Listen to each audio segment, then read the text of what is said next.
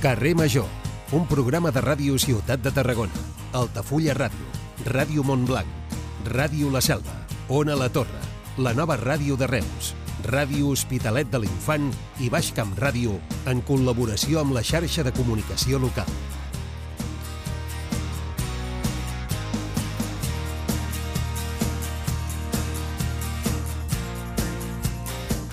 Hola, bona tarda, benvinguts un dia més a Carrer Major. Avui fem el programa 1145 de les emissores del Camp de Tarragona, el programa que fem conjuntament des de fa ben bé 5 anys, si no em descompto. Avui, actualitat centrada en l'Ajuntament de Reus, perquè s'ha presentat el detall del pla d'inversions que inclourà el pressupost de l'any vinent. En alguns ajuntaments encara es barallen per aprovar les ordenances fiscals. A Reus ja estan, ja han posat la directa i han presentat directament pressupostos i el detall del pla d'inversions que el govern ha qualificat d'històric i que pujarà a 25 milions d'euros. En aquest pla no hi ha cap projecte estrella que acapari gran part dels diners, sinó que es donarà prioritat a les polítiques d'habitatge, a projectes de renaturalització i també a la construcció del pas soterrat que va permetre accedir a la futura estació de Vallissens. Aquestes són les partides que tindran més dotació, si bé cap d'elles arribarà a superar els 2 milions d'euros. L'alcaldessa de Reus, en la presentació que s'ha fet aquest matí, ha destacat que aquest és el tercer esforç inversor més important des de 2010. Mentrestant, a Tarragona continua l'estira i arronsa sobre les ordenances fiscals. Ara Esquerra Republicana ha estès la mà al govern municipal per intentar arribar a un acord en extremis perquè recordem que el ple on s'han d'aprovar o s'intentaran aprovar, de moment debatre les ordenances fiscals, està convocat per demà al matí. A Montblanc també hi ha hagut proposta, hi ha d'ordenances fiscals, es congelaran en aquest cas la majoria d'impostos, però pujarà un 5% la taxa d'escombraries.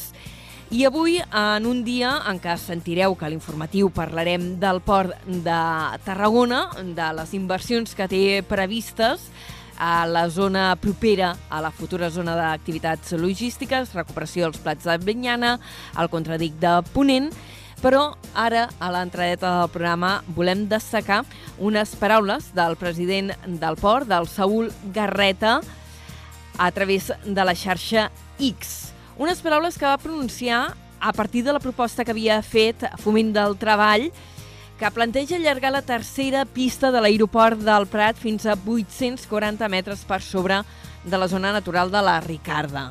Recordeu, un projecte controvertit. S'ha d'ampliar o no s'ha d'ampliar l'aeroport del Prat?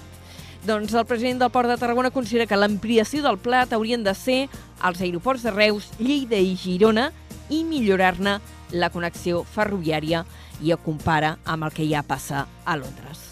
Qüestions aquestes i d'altres que tractarem avui al programa. Parlarem també d'energia nuclear amb algú que en sap molt i de tot plegat eh, doncs, ho abastarem des d'ara i fins les 6 de la tarda en aquest programa que, com, fe, que, com hem dit en començar, fem sis emissores del Camp de Tarragona. Us acompanyem, de fet, des de Ràdio Ciutat de Tarragona, la nova ràdio de Reus, Altafulla Ràdio, Ona la Torre, BXC Ràdio, Ràdio La Selva del Camp, Ràdio L'Hospitalet de l'Infant i Ràdio Montblanc. Us acompanya en aquesta primera hora l'Anna Plaça, el Iago Moreno, el tenim suant, com sempre, el control tècnic.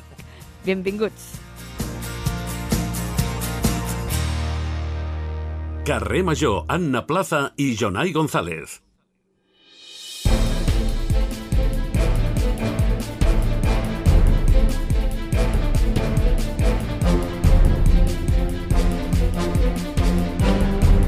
Passen 7 minuts de les 4 de la tarda. És el moment de repassar en forma de titulars, com fem cada dia al començar el programa, les notícies més destacades del Camp de Tarragona. Ho fem amb en Jonai González. Bona tarda. Molt bona tarda. I la notícia avui de portada és pel Port de Tarragona que preveu iniciar, abans de l'estiu de l'any vinent, les obres de recuperació dels prats del Vinyana, uns antics aiguamolls a tocar de la Pineda que estan protegits dins de la xarxa Natura 2000. Es tracta d'uns terrenys de 37 hectàrees situats just al costat de la futura zona d'activitats logístiques del port. Els desperfectes causats per l'últim temporal a Roda de Barà no estaran reparats fins a Setmana Santa. Aquest municipi és un dels que es va veure més afectat pel temporal de la setmana passada que va provocar estralls a la platja llarga i també al passeig marítim. L'Ajuntament de Reus ha presentat avui el pla inversor de l'any vinent, que puja a 25,3 milions d'euros. L'equip de govern ha definit la inversió prevista com a un esforç històric. Tanmateix, el pla no concentra l'esforç en una única acció singular, sinó que els recursos es repartiran en múltiples projectes.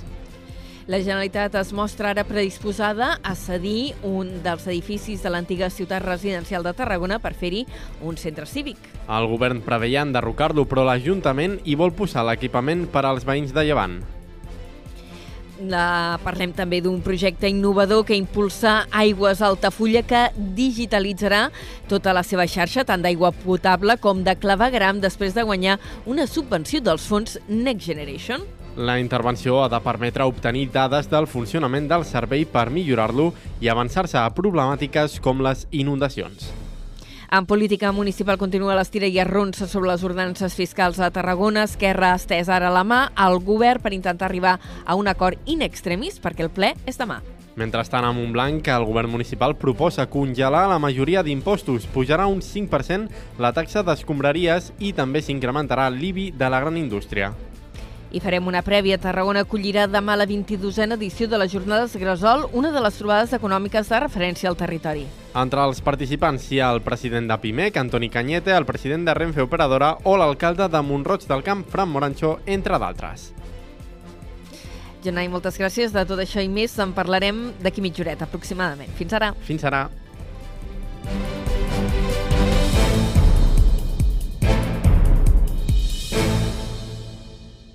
Carrer Major, Aleix Pérez.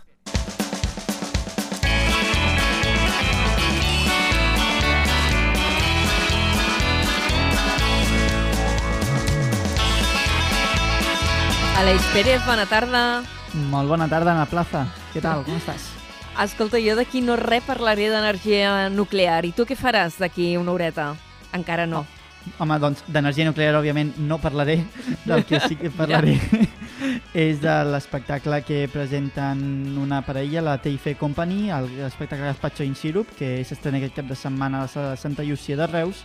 També parlarem amb Andrés Rueda, el president de l'Associació Catalana de Directors de Centres de Servei d'Atenció a la Dependència Gerontològica, per parlar d'un tancament que hi haurà en una residència d'avis aquí al Baix Camp. Tindrem, òbviament, els tonis, que crec que ens portaran com un cantant, és el Dia Mundial de l'Òpera i ja hem preparat, doncs, un, un, un, ja et pots imaginar la, la jarana que, que han organitzat en, a l'hora dels tonis, tot això maridat amb la banda sonora del Camp de Tarragona i la furgoneta del Miquel Llevaria, que se'n va fins a Tarragona per parlar de la 32a mitja marató Ciutat de Tarragona. Oh, home, Ja i tant que... que- es presentava ahir, sí, sí. Què, Sí, sí. que te l'imagines corrent, el Miquel Llevaria? Ai, el, sí, Ostres. sí, ja ho dic bé, el Miquel. Sí, sí, s'hauria Sí, de parlar, eh, encara, això, no? un dia. Entre Sí. menjar i fer esport, no sé, eh, què, Jo... què li agrada més. S'ha de tenir un equilibri en aquesta vida. Jo si hagués de fer la mitja marató ja et dic que replegarien després del primer quilòmetre, o sigui que faríem riure. Però ho passaríem En fi. bé, ho passaríem bé. Sí, això sí. Aleix, moltes gràcies. T'escoltem a partir de Vaja. les 5. Fins ara. Vaja, fins després. Cada tarda de dilluns a divendres fem parada a Carrer Major.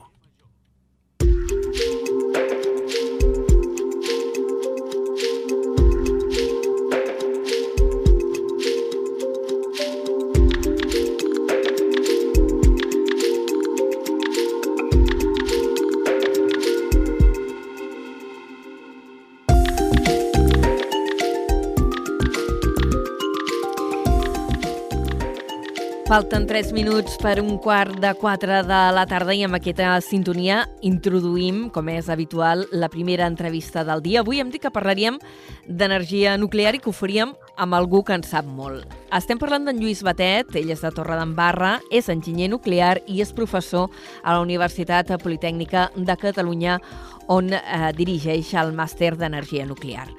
L'hem convidat avui al programa aprofitant la vinantesa que fa res, pocs dies, la Societat Nuclear Espanyola, eh, en una trobada anual que celebraven, li va concedir el Premi Juan Alberto González Garrido. De fet, ho va fer eh, l'Associació de Joves Nuclears.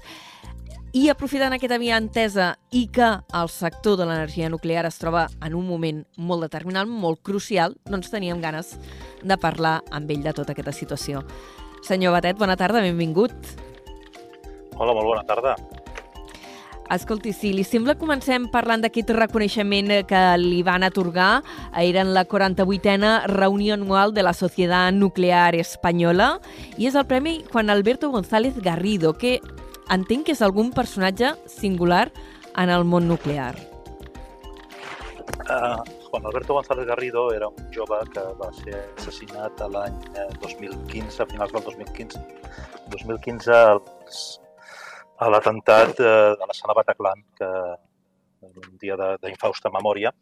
Eh, ell era membre de, de Jóvenes Nucleares, de fet havia estat president de l'associació, la, ara estic parlant de memòria, però jo diria que havia estat president, i era una persona molt, molt estimada pel, pel sector. De fet, els Jóvenes Nucleares van decidir instaurar aquest premi en la seva memòria i per mi és un gran honor que me l'hagin decidit concedir. Mm. Eh, situem una miqueta qui és la, la Societat Nuclear Espanyola, que, que va ser en el marc de la seva trobada anual eh, que us van concedir aquest premi. Sí, la, la societat, sí, perdó que m'hagi posat una mica triste, però sí. una mica que, que homenatge una persona molt, molt estimada, per mi un honor per això mateix, no? perquè és una persona que és molt recordada. El, el, la Societat Nuclear Espanyola és una, eh, va néixer ara fa gairebé 50 anys, de fet l'any vinent celebrarà el 50è aniversari, eh, que eh, agrupa a professionals del sector. També hi ha alguns socis, eh, alguns socis institucionals, com les, les, eh, empreses elèctriques o empreses de, de, de diferents empreses del sector nuclear, però sobretot és una eh, és un espai de trobada dels professionals del, del sector. Dintre d'aquesta societat ja fa una pila d'anys, sabria, em costaria recordar-ho, eh, perquè no era tan jove, però potser encara ho era prou per haver estat i no, no hi vaig ser, va néixer Jóvenes eh, Nucleares. És una, una secció d'aquesta societat. Uh, fet aquesta introducció, el motiu del premi, no sé si és la seva tasca en la docència, m'imagino que sí, no?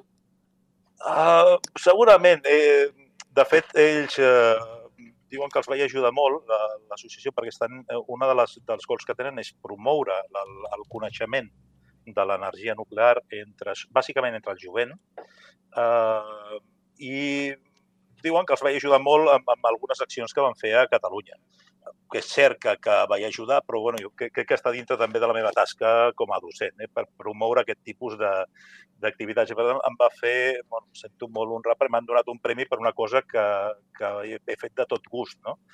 Eh, també és veritat que suposo que es valora la, la feina que fem des del màster en enginyeria nuclear de la Universitat Politècnica de Catalunya en la formació de enginyers i enginyeres que ara estan ocupant eh, llocs en empreses i estan...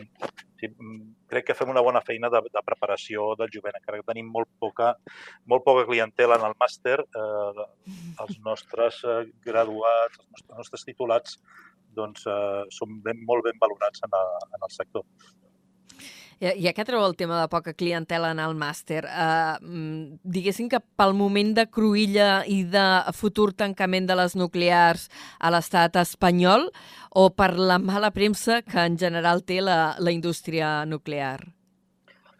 Uh, jo diria que és el, el, la, la primera raó. El, la, la indústria nuclear cada cop està netejant la, la, més la, la seva imatge a nivell mundial. Uh, a nivell espanyol, si malgrat tot, s'ha decidit tancar les nuclears i un calendari molt ben establert, on l'última central tancaria el 2035. En aquesta conjuntura eh, és bastant difícil que una jove o una jove decideixi embarcar-se en estudis d'aquest tipus, preveient que no hi haurà que no hi haurà massa futur. No? Eh, en aquest sentit, bé, el, l'educació que donem no només al nostre màster, que és, que és completament en anglès i per tant preparar els, els, els, els titulats per treballar en qualsevol banda no? eh, i també està obert a, a, a persones que venen d'altres països. Els altres màsters que s'ofereixen a Espanya, que no són gaires, hi ha el, un màster en energia nuclear també dit a la a l'Escola Politècnica de a la Universitat Politècnica de Madrid i un altre de Seguretat i Protecció Radiològica a la Universitat Politècnica de València, que són els, serien els, els tres grans eh, principals on, on la temàtica és purament nuclear. Eh, en tots ells, el, i amb, amb l'espavilar que és el jovent avui en dia, en, en els idiomes, eh, doncs, qualsevol d'aquests mm, titulats no tenia cap inconvenient a trobar feina a qualsevol altre país. I pensem que ara eh, a França i Anglaterra estan apostant fort per l'energia nuclear, Bèlgica ha tirat enrere els seus plans de tancament de centrals, Suècia està pensant a construir noves centrals, Polònia té un pla ambiciós, ja veurem com acabarà tot després de, de quan es formi el nou govern, no? però tenia un pla molt ambiciós de, de desenvolupament de l'energia nuclear fins i tot Itàlia, que és un país on s'ha votat en referèndum, eh, no seguir per aquí, s'ho estan replantejant una altra vegada. No? O sigui, és, és, eh, és... l'energia nuclear eh, ara mateix és l'alternativa eh, que ha de complementar les renovables per substituir els combustibles fòssils. Aquest pretenia ser un dels temes a tractar a, a l'entrevista eh, que estem mantenint amb en Lluís Batet, que és eh, enginyer nuclear i professor a la Universitat Politècnica de Catalunya, perquè de fet ens trobem en aquest moment de cruïlla per a l'energia nuclear. Ara ho deia, que aquí a l'estat espanyol eh, ja hi ha planificat tot el calendari de tancament. En el cas de les nuclears que tenim més a la vora, que són les d'Escó 1 i 2, Escó 1 tancaria el 2030, Escó 2 el 2032 i Vandellós 2 que seria la darrera en tancar el 2035. Estem parlant d'un horitzó a 12 anys vista. Eh, des del col·lectiu nuclear advertiu, però, eh, o jo he sentit advertir, eh, el Foro Nuclear fa pocs dies que, que en parlava en una trobada amb periodistes, eh, que no hi ha suficient potència d'energia renovable eh, instal·lada a Catalunya per poder compensar aquest tancament de, de les nuclears. Eh, considera, eh, com a especialista en, en la qüestió, com a professora en aquesta matèria, que l'estat espanyol podria arribar a fer marxa enrere o ja és massa tard en l'estadi en què estem? Uh, és difícil de dir, perquè en política uh, totes les coses que ahir eren blanques demà poden ser negres, no? I i t'ho diem amb un somriure i com si sempre haguessin tingut la raó. Ah, no, no, no, no ho podem saber. També és veritat que quan una persona eh, s'enroca molt en una posició, al final eh, no atén raons, no? I, i és molt difícil eh, canviar les, eh, aquestes coses, no? Per tant, no, no, no li sabria dir. El, Eh, realment és un error voler tancar les nuclears i és un error encara més gran ara. Jo ja considerava que ho era en el seu moment, però ara és més gran i, i ho és tant que se n'haurien de donar i haurien de, de fer marxa enrere sense perdre la cara. És dir, seria una decisió molt raonable que quan canvien, no? senzillament si canvia les regles del joc, i han canviat a nivell eh, europeu i mundial les regles del joc del, del subministrament energètic, i també ha, ha canviat la manera com percebim, com percebim el, el canvi climàtic que, que sembla que s'està accelerant més del que es pensava. Uh, uh, això vol dir que el, el, les raons amb les que has pres una decisió t'han canviat i, per tant, tu pots canviar la decisió presa, no? sense, diguem, sense en cap moment deixar de somriure i, i ni tan sols reconèixer que t'has equivocat. Senzillament, el, el camp de les regles de joc eren unes i ara són unes altres. No? O sigui, ara tenen una oportunitat d'or per fer aquesta, aquest canvi, per fer marxar enrere les seves decisions, per, eh, però ja veurem si, si ho fan. Jo no, no sóc gaire optimista si el, el color del govern segueix sent, el color del govern del espanyol segueix sent el mateix que era fins ara. Pel que fa ah, ara... al, a la potència, el, moltes vegades es confon la, la potència instal·lada amb l'energia generada i, i amb això s'ha d'anar molt... s'ha de ser molt curós. Eh, en, en una... En, en la península ibèrica eh, es pot considerar gairebé una illa en el sentit i, i, eh, elèctric, en el sentit del sistema elèctric, les connexions amb França no són massa eh, potents. El, per tant, pràcticament has de fer que coincideixi allò que estàs demanant, eh? el consum elèctric amb la producció elèctrica, eh, les renovables floreixen quan bufa el vent i quan, quan brilla el sol, però això no és contínuament. Per tant, el, la potència instal·lada no és sinònim d'energia generada i, a més a més, la, el moment en què es generen i el moment en què consumeixen no coincideixen. Per tant, això fa que sigui necessari una... Eh, quan més penetració hi hagi de renovables en el sistema, eh, farà necessària que hi hagi una necessitat de eh, cada cop més eh, emmagatzemament d'energia. I això pot fer que els, que els preus s'encareixin de l'energia. Eh, perquè l'emmagatzematge d'energia encara és una qüestió així tècnicament molt pendent de resoldre, no? Perquè l'energia tal com es genera es va gastant... Eh, clar, hauríem d'estar parlant de bateries o sistemes similars. Uh, sí, estem parlant de, de bombaments hidro, hidroelèctrics, sí, sistemes de bombeig que, que poden ser bastant eh, poden absorbir bastanta capacitat i de fet ja n'hi ha, eh? hi ha una, una potència instal·lada, si no m'equivoco, són de, de 3 gigawatts o ara, ara m'agafeu així amb, amb, un mal moment, eh? Perdó, ja, ja No tinc el número- no tinc el en número un, al cap, en eh, un de- tema tècnic que controlo espanyol. poc. però hi ha, hi ha, hi ha una potència instal·lada de bombeig important a l'Estat, però no és suficient eh, si la penetració de les renovables augmenta. S'està pensant en, en sistemes de bateries associats a les, eh, a les eh, plantes de producció fotovoltaica i eòlica, eh, però bueno, tot això encara s'ha de desenvolupar i tot això encareix el, el cost de la factura elèctrica també. Uh, són alguns dels arguments uh, que s'utilitzen no? per uh, defensar la continuïtat de l'energia nuclear. Comentava uh, que França, que és un país que sempre ha apostat uh, per aquesta energia, que de fet té molts reactors, uh, també ara estem veient uh, els passos que s'estan fent a la Gran Bretanya, i a nivell d'Europa institucional uh, també s'ha fet un pas per considerar uh, l'energia nuclear energia verda. El per què entenc que és perquè no es generen emissions de CO2 perquè no es crema res en una planta nuclear.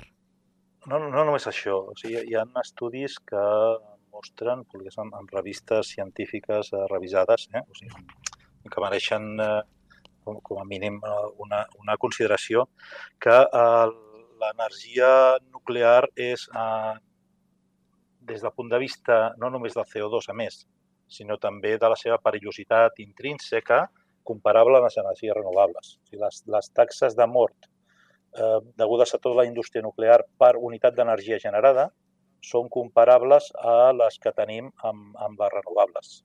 Eh, no, no es podia fer massa distinció. Això, fins i tot tenint en compte, o sigui, tenint en compte tota la mineria i tota la indústria associada, o sigui, hi ha accidents industrials no? de, que passen, i, i, i morts deguts a, a... En el cas nuclear es consideren també els morts deguts als accidents. O sigui, que, que a, fins i tot tenint en compte això, a, la perillositat d'una nuclear sigui comparable en una, en una renovable, eh, ja diu alguna cosa de, de què considerem net, a vegades, no, des del punt de vista emocional o des del punt de vista ideològic, què es considera net i què no es considera net. També hem de tenir en compte que les, eh, no es pot fer una truita sense trencar un ou i si vols tenir plaques fotovoltaiques o si vols tenir un molí de vent, necessites una gran quantitat de materials que fins i tot la quantitat de materials que necessites per unitat d'energia generada són molt més grans, no només materials eh, d'aquestos que, es, que s'anomenen ara minerals crítics, que s'han d'anar a buscar en països de vegades amb molt poca estabilitat política, on la gent treballa en condicions infrahumanes i que, a més a més, donen una, un avantatge eh, geoestratègic a països en els quals els hi comprem no només eh, els panells a vegades acabats, sinó també aquestes, aquests materials per fer altres coses, eh? doncs les energies renovables no només necessiten molt més per unitat de, d'energia generada d'aquests minerals crítics. No, mira, estic parlant d'energies renovables i potser no és només les energies renovables, és, és també les bateries, és tot, tot el que té associat, tot el que ve associat amb la transició energètica i els cotxes elèctrics. No? Es necessita una gran quantitat d'aquests minerals eh, per, per unitat d'energia eh, generada i utilitzada, molt més que amb l'energia nuclear, per exemple. O sigui, per, per posar les coses que és net i que no és net. No? I, i, i però no només necessiten més d'aquests minerals crítics, sinó també necessiten més dels, mina, dels materials tradicionals. O sigui, la quantitat de formigó i d'acer que fa falta per generar un megawatt hora elèctric eh, amb eh, solar o amb, o amb eh, eòlica és més la quantitat de formigó i d'acer que la que es necessita per generar la mateixa quantitat d'energia en una central nuclear. Eh, per, per, per posar en context què considerem net i què no considerem net. Uh, L'argument que els hi vaig sentir en aquella jornada que, per periodistes que, que van organitzar des del foro nuclear és amb un espai reduït, uh, que és el que ocupa una central nuclear, uh, pots arribar a produir molta més energia i d'una manera contínua que no pas en uh, estacions uh, de uh, fotovoltaiques o d'eòliques que ocupen un terreny molt més ampli. Vindria a ser aquest argument. Aquest és un altre. A banda dels recursos en, en les instal·lacions, eh? Aquest ve a més a més, eh? Sí, sí, el, el, la, la petjada sobre el terreny per unitat d'energia generada és molt més petita en una central nuclear, i tant.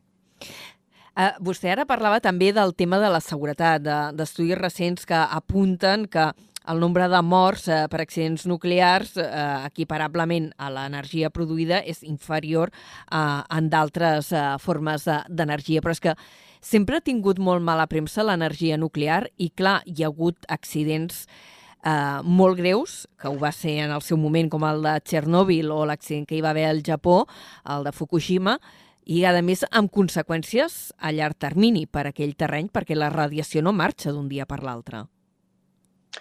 Uh, tot, tot s'ha de quantificar. O sigui que, que mm, evidentment, has, has esmentat dos accidents que van ser eh, molt greus, sobretot el, el, el de Txernòbil, en el seu moment eh, va comportar una gran quantitat de pèrdua de vides humanes. L'accident de Fukushima eh, no hi ha constància de que hagi causat cap, cap pèrdua de, de vides. Eh, els, els morts van ser a causa del terratrèmol i del tsunami, i a causa de la radiació emesa per la, pels reactors no està demostrat que hi hagi hagut cap, cap, eh, cap, eh, cap eh, mort. Eh?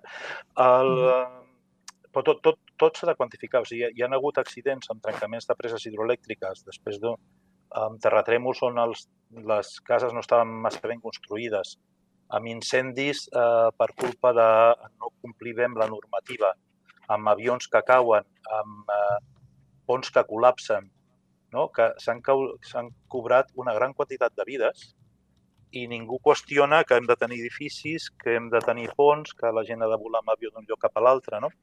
Uh, la indústria nuclear a vegades ha estat injustament atacada um, utilitzant alguna sèrie d'arguments que, que per altres tecnologies no es van servir. No?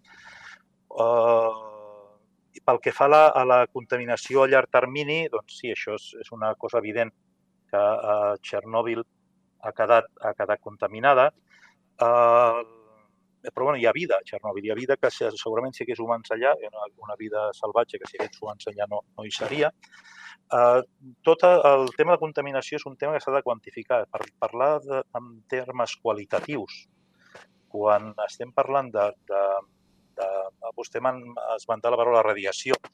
Uh, la radiació se'n va. Eh, el que tenim és una contaminació radiactiva, és una substància eh, que emet radiació, cada cop amb el temps cada cop menys, eh, perquè les, les substàncies a la mesura que van emetent radiació es van convertint en altres substàncies i finalment eh, deixen de ser eh, el, el conjunt de ser de radioactiu, amb, a, a vegades amb algunes desenes d'anys, a vegades amb milers d'anys. No? Però eh, és, mm, el, el, el, una cosa bona de, la, de les substàncies radioactives és que són fàcilment detectables i és molt, molt fàcilment quantificable. A vegades això no és tan fàcil quan parlem de contaminació química, a la qual estem bastant acostumats aquí a la, a la comarca, no? I, i altres tipus de, de pol·lució que, que podem tenir al, al voltant. En el cas de la, de la, de la contaminació per radioactivitat, és molt fàcilment quantificable quina quantitat d'activitats tens per metre quadrat o per quilòmetre quadrat i també és molt fàcil quantificar quin és l'impacte d'això en, en les persones. No? Tot, tot és, al final tot és qüestió de dosi. O sigui, a vegades poso l'exemple de que no és el mateix eh, doncs, acabar-se una ampolla de conyac eh, un sol després d'un dinar, no? Que eh, beure's una cervesa cada cap de setmana. No? Tot és alcohol, al final, si comptes al final del temps, tens, el, tens una, una quantitat d'alcohol, però la, la, la dosi en el, en el moment eh, precís, no? la, la quantitat d'alcohol és molt, molt diferent. I en el, en el cas de la, de la radioactivitat i la radiació, a vegades perdem de vista que, que és una cosa que passa en qualsevol mena, i també amb les medicines. No? Una, una aspirina eh, pot ajudar a treure un mal de cap, si, si fos dos quilos d'aspirines tot de cop, doncs eh, potser no ho expliques. No? El, en, en el cas de la radiació, eh, això també té, un, té, té una raó. El, nosaltres mesurem les coses amb, amb dosi, que és la quantitat d'energia per radiació que una persona pot, eh, el cos d'una persona absorbeix. Per, estic simplificant bastant la, la, la cosa, eh? però la, la, la quantitat de la, de la radiació que una persona absorbeix eh, és quantificable i amb molt petites quantitats, i fins i tot en quantitats no tan petites, eh, no hi ha evidència que hi hagi cap eh, detriment de la salut. Amb quantitats grans sí.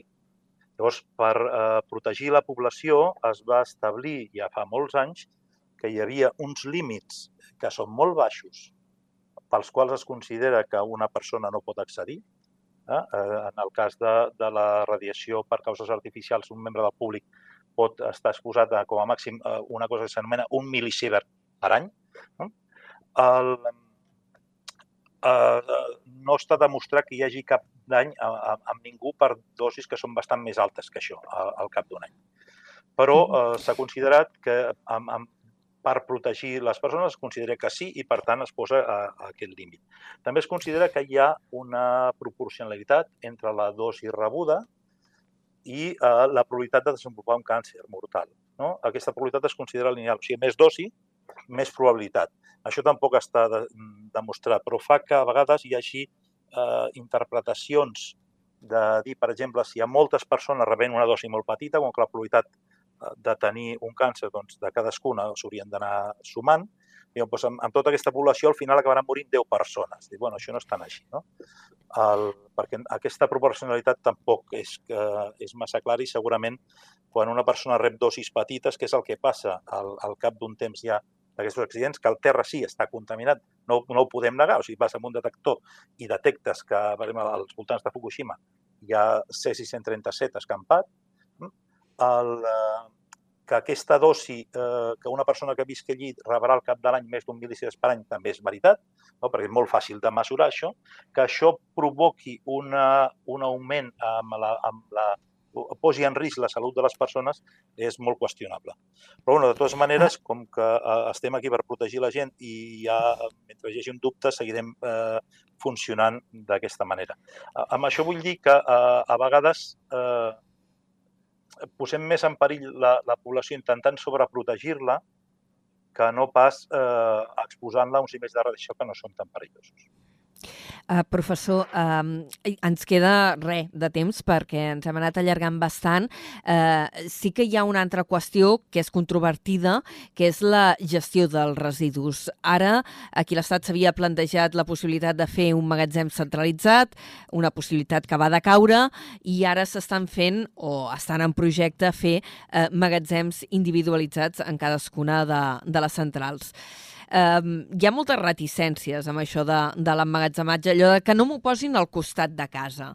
Què passa amb aquests cementiris nuclears?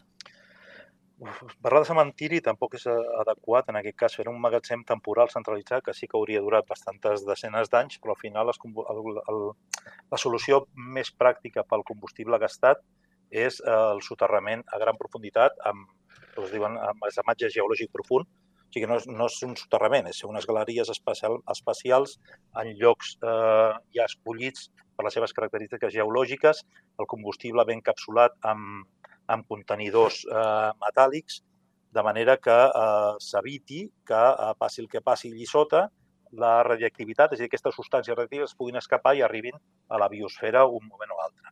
A, a, això ha estat tecnològicament demostrat que és la millor solució des d'un punt de vista social eh, té els seus problemes, perquè ningú vol tenir aquestes coses a prop, no, no pel fet de que estiguin allà sota, sinó perquè pot passar donant el, el desenvolupament de tot el, el projecte en si. De fet, eh, es plantejava, mentre no es troba una solució definitiva per residus a Espanya, es pensava fer una, un magatzematge centralitzat on es, en superfície on el combustible es pogués guardar en sec, no, no en piscina com estan ara, refrigerat per aire. Això es pot fer quan el combustible ja té un, un cert temps de decaïment en piscina, combustible gastat s'emmagatzema a les piscines de les pròpies centrals i s'hi ha d'estar uns quants anys fins que la seva potència residual eh, això és una altra cosa que potser hauria d'explicar.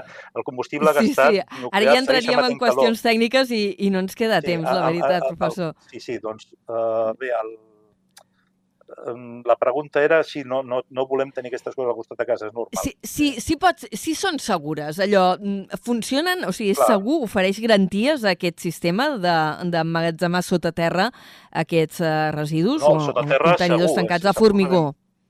Ah, Sota terra és absolutament segur. Ara eh, no es guardaran sota terra, ara es tindran en superfície, al costat de les mateixes centrals, quan haurien estat en superfície, però dintre un, un, dintre un edifici especialment preparat per això, com eh, ja n'hi ha un funcionant a, a Holanda. Em sembla que era pràcticament igual que aquell. Eh, aquest edifici no es construirà, per tant, el combustible gastat, un cop la vida de les, les centrals arriben al fi de la seva vida, s'hauran de mantenir en emmagatzematges eh, temporals individuals al costat de cada central. Però bé, eh, Hem estat- amb, amb, amb uns contenidors de formigó a prova de tot. Eh? Mhm. Hem estat conversant amb en Lluís eh, Batet, ell és de Torredembarra, és enginyer nuclear, com dèiem, professor de la Universitat Politècnica de Catalunya, on dirigeix el màster d'energia nuclear. Hem estat parlant una mica de la situació de l'energia nuclear, dels debats que hi ha sobre seguretat eh, d'aquest futur emmagatzematge de, dels residus, de la nova vida eh, i del de, eh, el discurs de que és una energia verda. Hem tractat moltes qüestions, ens n'han quedat d'altres al tinter, però li agraïm moltíssim que, que ens hagi acompanyat. No, moltes gràcies a vosaltres, Anna, i quan vulgueu estaré encantat No, no, de no descarto portar-lo un altre dia, eh? ja li dic ara. Doncs Fins moltíssimes ara. gràcies. Fins ara. Fins al Carrer. Major, al Camp de Tarragona, des de ben a prop.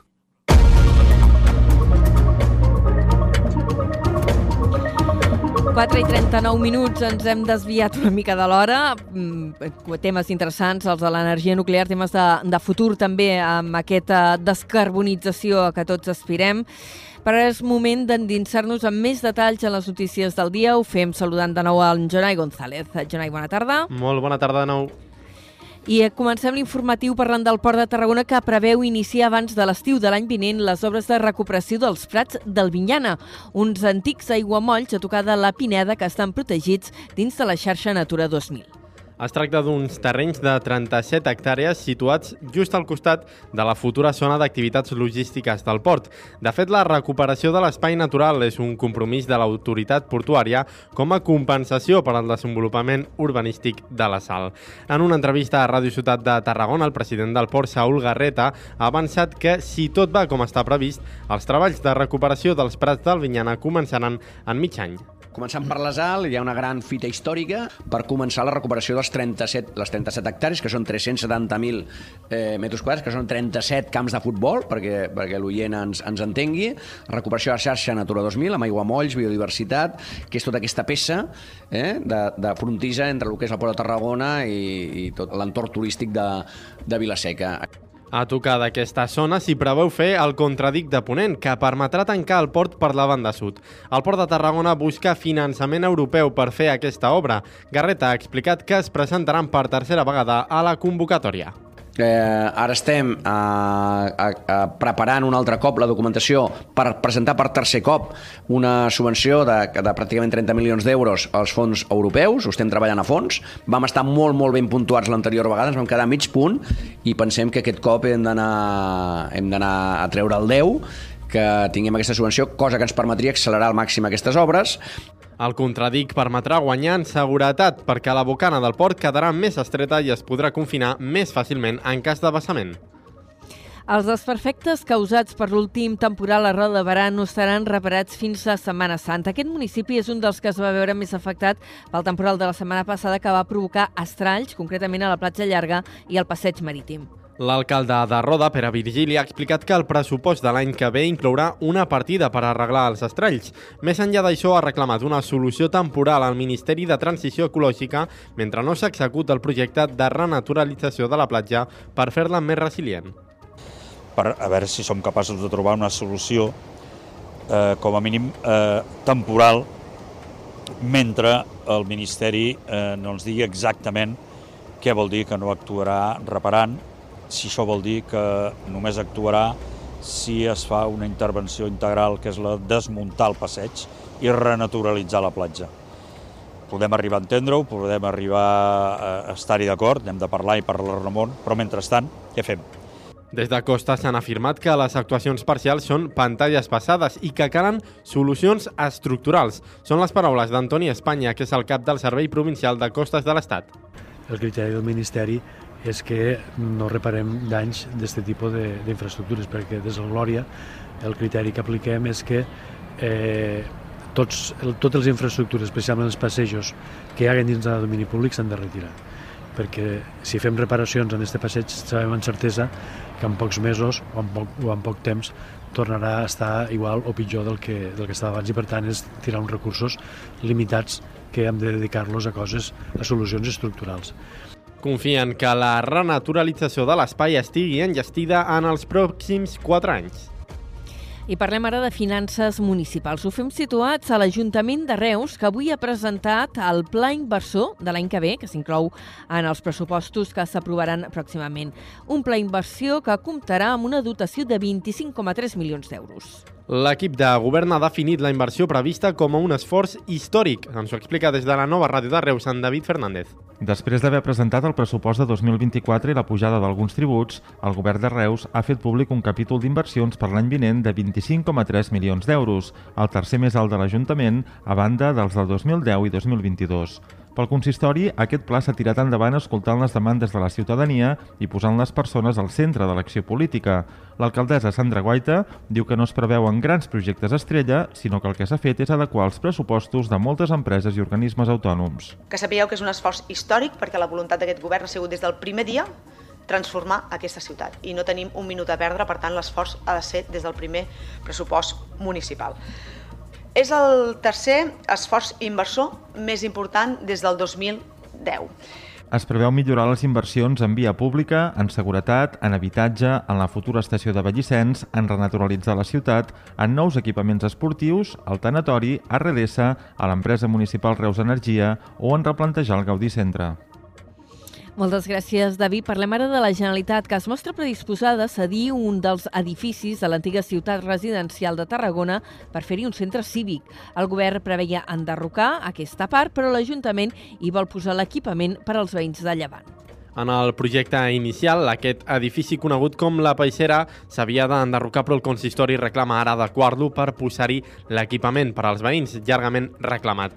Aquest dimarts s'ha celebrat una reunió entre Ajuntament, delegació del govern i veïns dels barris de Llevant per informar els ciutadans de com quedarà el projecte de la residencial. Segons fons del govern, s'està buscant la fórmula jurídica per fer-ho possible. Si s'arriba a un acord per la sessió, seria l'Ajuntament qui n'assumeixi l'adequació. I parlem ara d'un projecte innovador que s'ha presentat avui a Altafulla, on l'empresa d'Aigües ha anunciat que digitalitzarà tota la xarxa d'aigua potable i de clavegrem després d'haver guanyat una subvenció dels fons Next Generation. La intervenció ha de permetre obtenir dades del funcionament del servei per millorar-lo i avançar-se a problemàtiques com les inundacions. Ens dona més detalls des d'Altafulla Ràdio amb Pau Corbalan. Aigües d'Altafulla ha rebut una subvenció dels fons Next Generation que permetrà digitalitzar tota la xarxa d'aigua potable, residual i de pluvials del municipi. La intervenció es podrà dur a terme en els pròxims dos anys i permetrà instal·lar sensors i controlar digitalment tot el procés del cicle de l'aigua de tot el servei. Ens ho explica David Garcia, gerent d'Aigües d'Altafulla. També, igualment, i que en l'aigua potable s'instal·la molta sensòrica en pous de registre, se controla tot el cabal de la xarxa, la concentració, la qualitat d'aquesta aigua residual que passa, se controlen els abocaments, vale? que en temps que no plou, en principi no hauria d'abocar el medi, bueno, doncs tots aquests abocaments se controlen, se parametritzen? També s'hi digitalitza, també s'instal·la el visor digital amb el qual se poden fer previsions, se pot analitzar el comportament de la xarxa. Insisteixo, un pas cap endavant brutal en el que és un servei de, d'aigua potable i de claveguera en aquest cas. Llavors, amb la xarxa de pluvials igual. Aquesta sensorització permetrà obtenir milers de dades per optimitzar tot l'engranatge que suposa el transport de l'aigua de la vila. Aquest projecte és únic a tot Catalunya. Seguim amb més eh, notícies, ara parlant de nou de finances municipals i en aquest cas de l'estira i arronsa que continua havent-hi a la ciutat de Tarragona eh, en el debat de les ordenances fiscals eh, de l'any vinent. Un debat que continua viu i que demà ha de passar per ple. Ara, Esquerra Republicana ha estès la mà al govern municipal per intentar reconduir les negociacions i arribar a un acord in extremis. Socialistes i comuns semblen haver apropat postures, però l'actual equip de govern necessita també d'altres socis per tirar endavant les ordenances. Des de Ràdio Ciutat de Tarragona ens explica l'última hora l'Arnau Curto. A tan sols un dia del plenari per l'aprovació de les ordenances fiscals, el grup municipal d'Esquerra Republicana de Catalunya a Tarragona segueix amb les portes obertes per parlar i negociar amb el govern municipal. Tanmateix, els republicans demanen seny a l'equip de govern especialment per les pujades de l'IBI, un 7,4%, i de l'impost sobre construccions instal·lacions i obres, el conegut com ICIO, un 33%. Pel que fa a l'impost sobre els béns immobles, la posició del partit continua enrocada en el 3,5% corresponent a l'increment de l'IPC. Els republicans també es mostren preocupats per una altra taxa, per l'augment del 20% en la taxa de les terrasses, ja que asseguren que acabaria perjudicant el petit autònom. Així ho veu la portaveu del grup municipal republicà, Maria Roig hi ha una ordenança, doncs esperem que s'acabi l'ordenança, esperem fer-ho bé i toquem l'estructura d'aquesta taxa. No pugem simplement un 20%, perquè al final el que estem perjudicant és que un petit autònom que tingui un local, per exemple, li costi aixecar la persiana, no només perquè pugen un 20% a Terrassa, sinó que li estan pujant també l'IBI, li estan pujant la brossa, per tant, tot aquest paquet de mesures acaba perjudicant no només a les famílies, sinó als petits treballadors també, i aquesta mesura de les terrasses considerem que s'hauria d'analitzar molt millor, considerem que s'hauria de tocar l'estructura de la taxa i, per tant, doncs, no perjudicar qui fa bé les coses, sinó doncs, anar a mirar doncs, l'arrel del problema i solucionar-ho d'alguna manera. Recordem, aquest dijous se celebra el ple d'aprovació d'aquestes ordenances fiscals. De moment, l'equip de govern no tindrà l'aval dels republicans en el plenari de demà i tampoc hi hauria reunions previstes. Tot i això, els republicans mantenen que es podrien arribar a acords si hi ha retocs en les taxes de l'IBI i l'ICIO. L'Ajuntament de Montblanc, per la seva banda, des de l'equip de govern, han dit que aposten per congelar la majoria d'impostos per l'any 2024. El que sí augmentarà, però, és un 5% la taxa d'escombraries o l'IBI de la gran indústria. Ens ho explica des de Ràdio Montblanc la Gemma Bufies. L'equip de govern de l'Ajuntament de Montblanc ha presentat avui al migdia la proposta d'ordenances fiscals que es votarà a plenari el proper dilluns. L'IBI, el principal impost de la ciutadania, es congelarà, segons ha explicat la regidora d'Hisenda, Raquel Huguet. A veure, realment és un compromís polític que teníem de, de, en campanya electoral, que no pujaríem l'IBI, tot i que sabem que el fet de no pujar l'IBI i haver-lo baixat just abans de la, de la campanya, just abans de, la, de les eleccions, doncs suposa una recaptació, una recaptació doncs, més baixa pel, per les pels tributs de, de l'Ajuntament. Això afectarà en el pressupost de, de cara a l'any 2024, però el compromís polític de tots els grups era de no pujar l'IBI, i és per això que no el pugem. Aquesta congelació de l'IBI beneficiarà també les petites i mitjanes empreses, però no la gran indústria. Pel que fa a les taxes municipals, l'Ajuntament incrementarà la taxa d'escombraries un 5% per compensar l'increment que ha fet el Consell Comarcal. La proposta d'ordenances fiscals pel 2024 inclou bonificacions del 75% de l'ICIO en obres d'habitatge de primera vivenda, ja sigui en propietat o de lloguer a la zona peric o pedanies, i els veïns que substitueixin les tanques vegetals dels jardins per tanques d'obres o metàl·liques. S'inclou també una bonificació del 50% de l'IBI l'IBI durant dos anys pels nous immobles que entrin a la borsa d'habitatge de la Conca de Barberà. Es donarà una hora d'aparcament gratuït al dia a les zones blaves als vehicles censats a Montblanc i els de zero emissions.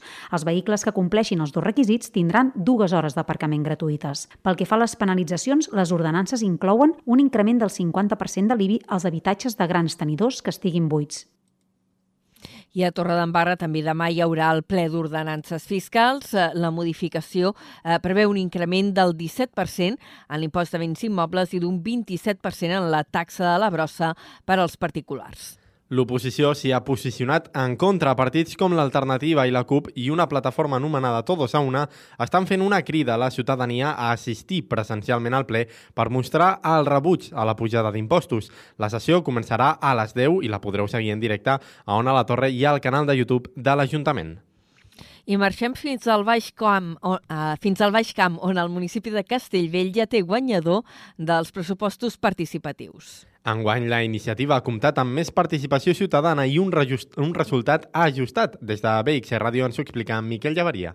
Els pressupostos participatius de 2023-2024 de Castellví del Camp ja tenen guanyador. En aquest cas ha estat la proposta del projecte per millorar el desplaçament a peu pel poble fins a les urbanitzacions amb el pressupost total de 40.000 euros. Enguany les votacions han comptat amb una major participació molt més ajustada. Dels 308 vots comptabilitzats, 89 han donat suport a la proposta guanyadora. D'aquesta manera, aquest projecte serà inclòs en el pressupost municipal de l'any 2024.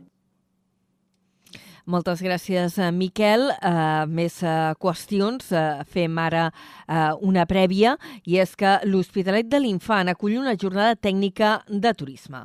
El Patronat de Turisme de la Diputació de Tarragona organitza els dies 23 i 26 d'octubre les jornades de turisme Costa Daurada i Terres de l'Ebre a la sala Bonet Castellana. Ens ho explica des de Ràdio L'Hospitalet Liri Rodríguez.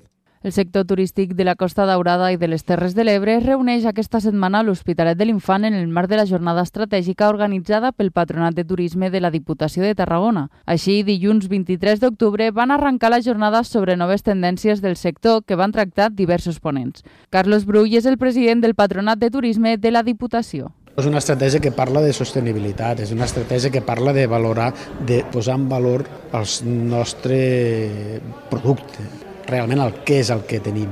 És una estratègia que ha d'ajudar a definir què és el que volem i on volem arribar, com volem arribar i a qui volem arribar. Aquest dijous 26 d'octubre hi ha prevista una altra jornada al Centre Cultural Infant Pere, de caràcter més pràctic per tal de definir les principals línies de treball de les dues marques turístiques per elaborar el Pla d'Actuació 2024 del Patronat de Turisme de la Diputació de Tarragona. Unes jornades de treball en l'àmbit del turisme que s'estan fent a Vandellós i l'Hospitalet de l'Infant. D'altra banda, demà a Tarragona es farà la 22a edició de les Jornades Gresol, una de les trobades econòmiques de referència al territori. Entre els participants enguany hi ha el president de la PIMEC, Antoni Canyete, també el president de Renfa Operadora i l'alcalde de Montroig del Camp, Fran Morancho, entre d'altres. L'esdeveniment pretén abordar el futur de la indústria i explicar el potencial del territori per fer-lo créixer. Entre altres qüestions, es parlarà de l'aprovació del Pacte Nacional per la Indústria o sobre la importància del transport ferroviari en aquest sector. També es farà un bloc sobre captació de noves indústries. L'esdeveniment tindrà lloc demà a dos quarts de deu del matí al moll de Costa del Port. I ben a prop al Teatret del Serrallo, també demà, en aquest cas al migdia, es presentaran els resultats de la diagnosi que s'ha fet sobre les potencialitats de l'economia blava a Tarragona i la seva àrea d'influència.